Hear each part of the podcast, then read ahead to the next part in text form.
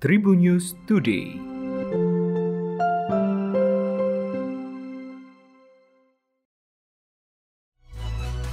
Halo Tribuners, berjumpa kembali dengan Tribun News Today edisi hari ini bersama saya Gilang Putranto. Sejumlah informasi dihadirkan untuk Anda di antaranya Wakil Ketua DPR RI Muhammad Aziz Syamsuddin langsung digiring menuju mobil tahanan begitu resmi dinyatakan sebagai tersangka oleh Komisi Pemberantasan Korupsi KPK.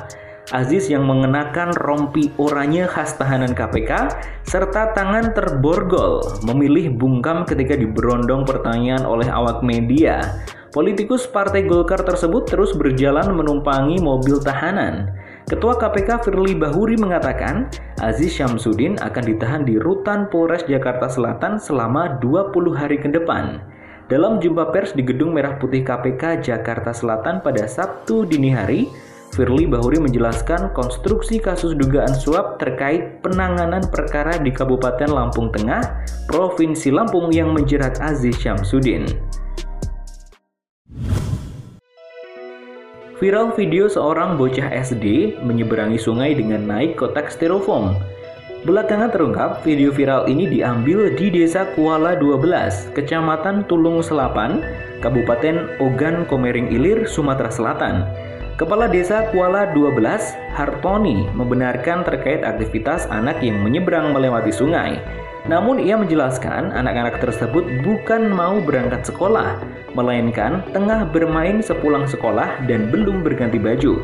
Diketahui video viral tersebut sempat mendapat sorotan dari sejumlah publik figur nasional seperti Fadlizon hingga Susi Pujastuti.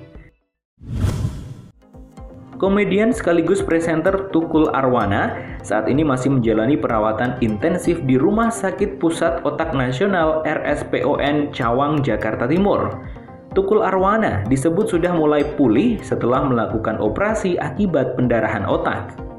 Putra sulung Tukul, Ega Prayudi memberikan penjelasan mengenai perkembangan terkini kondisi sang ayah.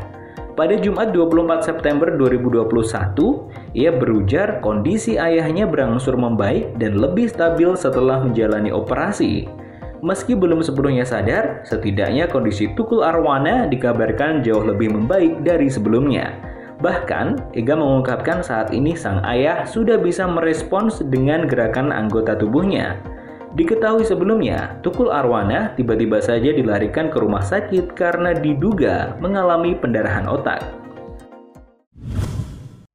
Timnas wanita meraih poin penuh pada pertandingan perdana kontra Singapura pada laga kualifikasi Piala Asia Wanita 2022. Bermain di Stadion Republikan Sentral Dushanbe, pada Jumat 24 September 2021, Garuda Pertiwi menang 1-0.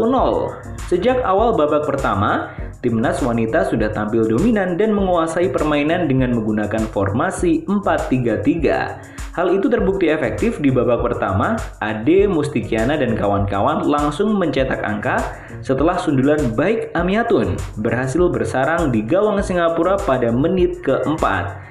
Terus memberikan tekanan, skuad Garuda Pertiwi menggempur pertahanan timnas Singapura hingga ujung pertandingan. Adapun timnas wanita akan bertanding menghadapi leg kedua laga kualifikasi Piala Asia Wanita pada 27 September 2021 kontra Singapura di stadion yang sama. Kemenangan di leg pertama menjadi modal yang penting bagi skuad Garuda Pertiwi untuk dapat mengamankan satu tiket ke Piala Asia Wanita 2022 di India tahun depan. Demikian Tribun News Today edisi kali ini, saya Gilang Putranto, sampai jumpa. Tribun News Today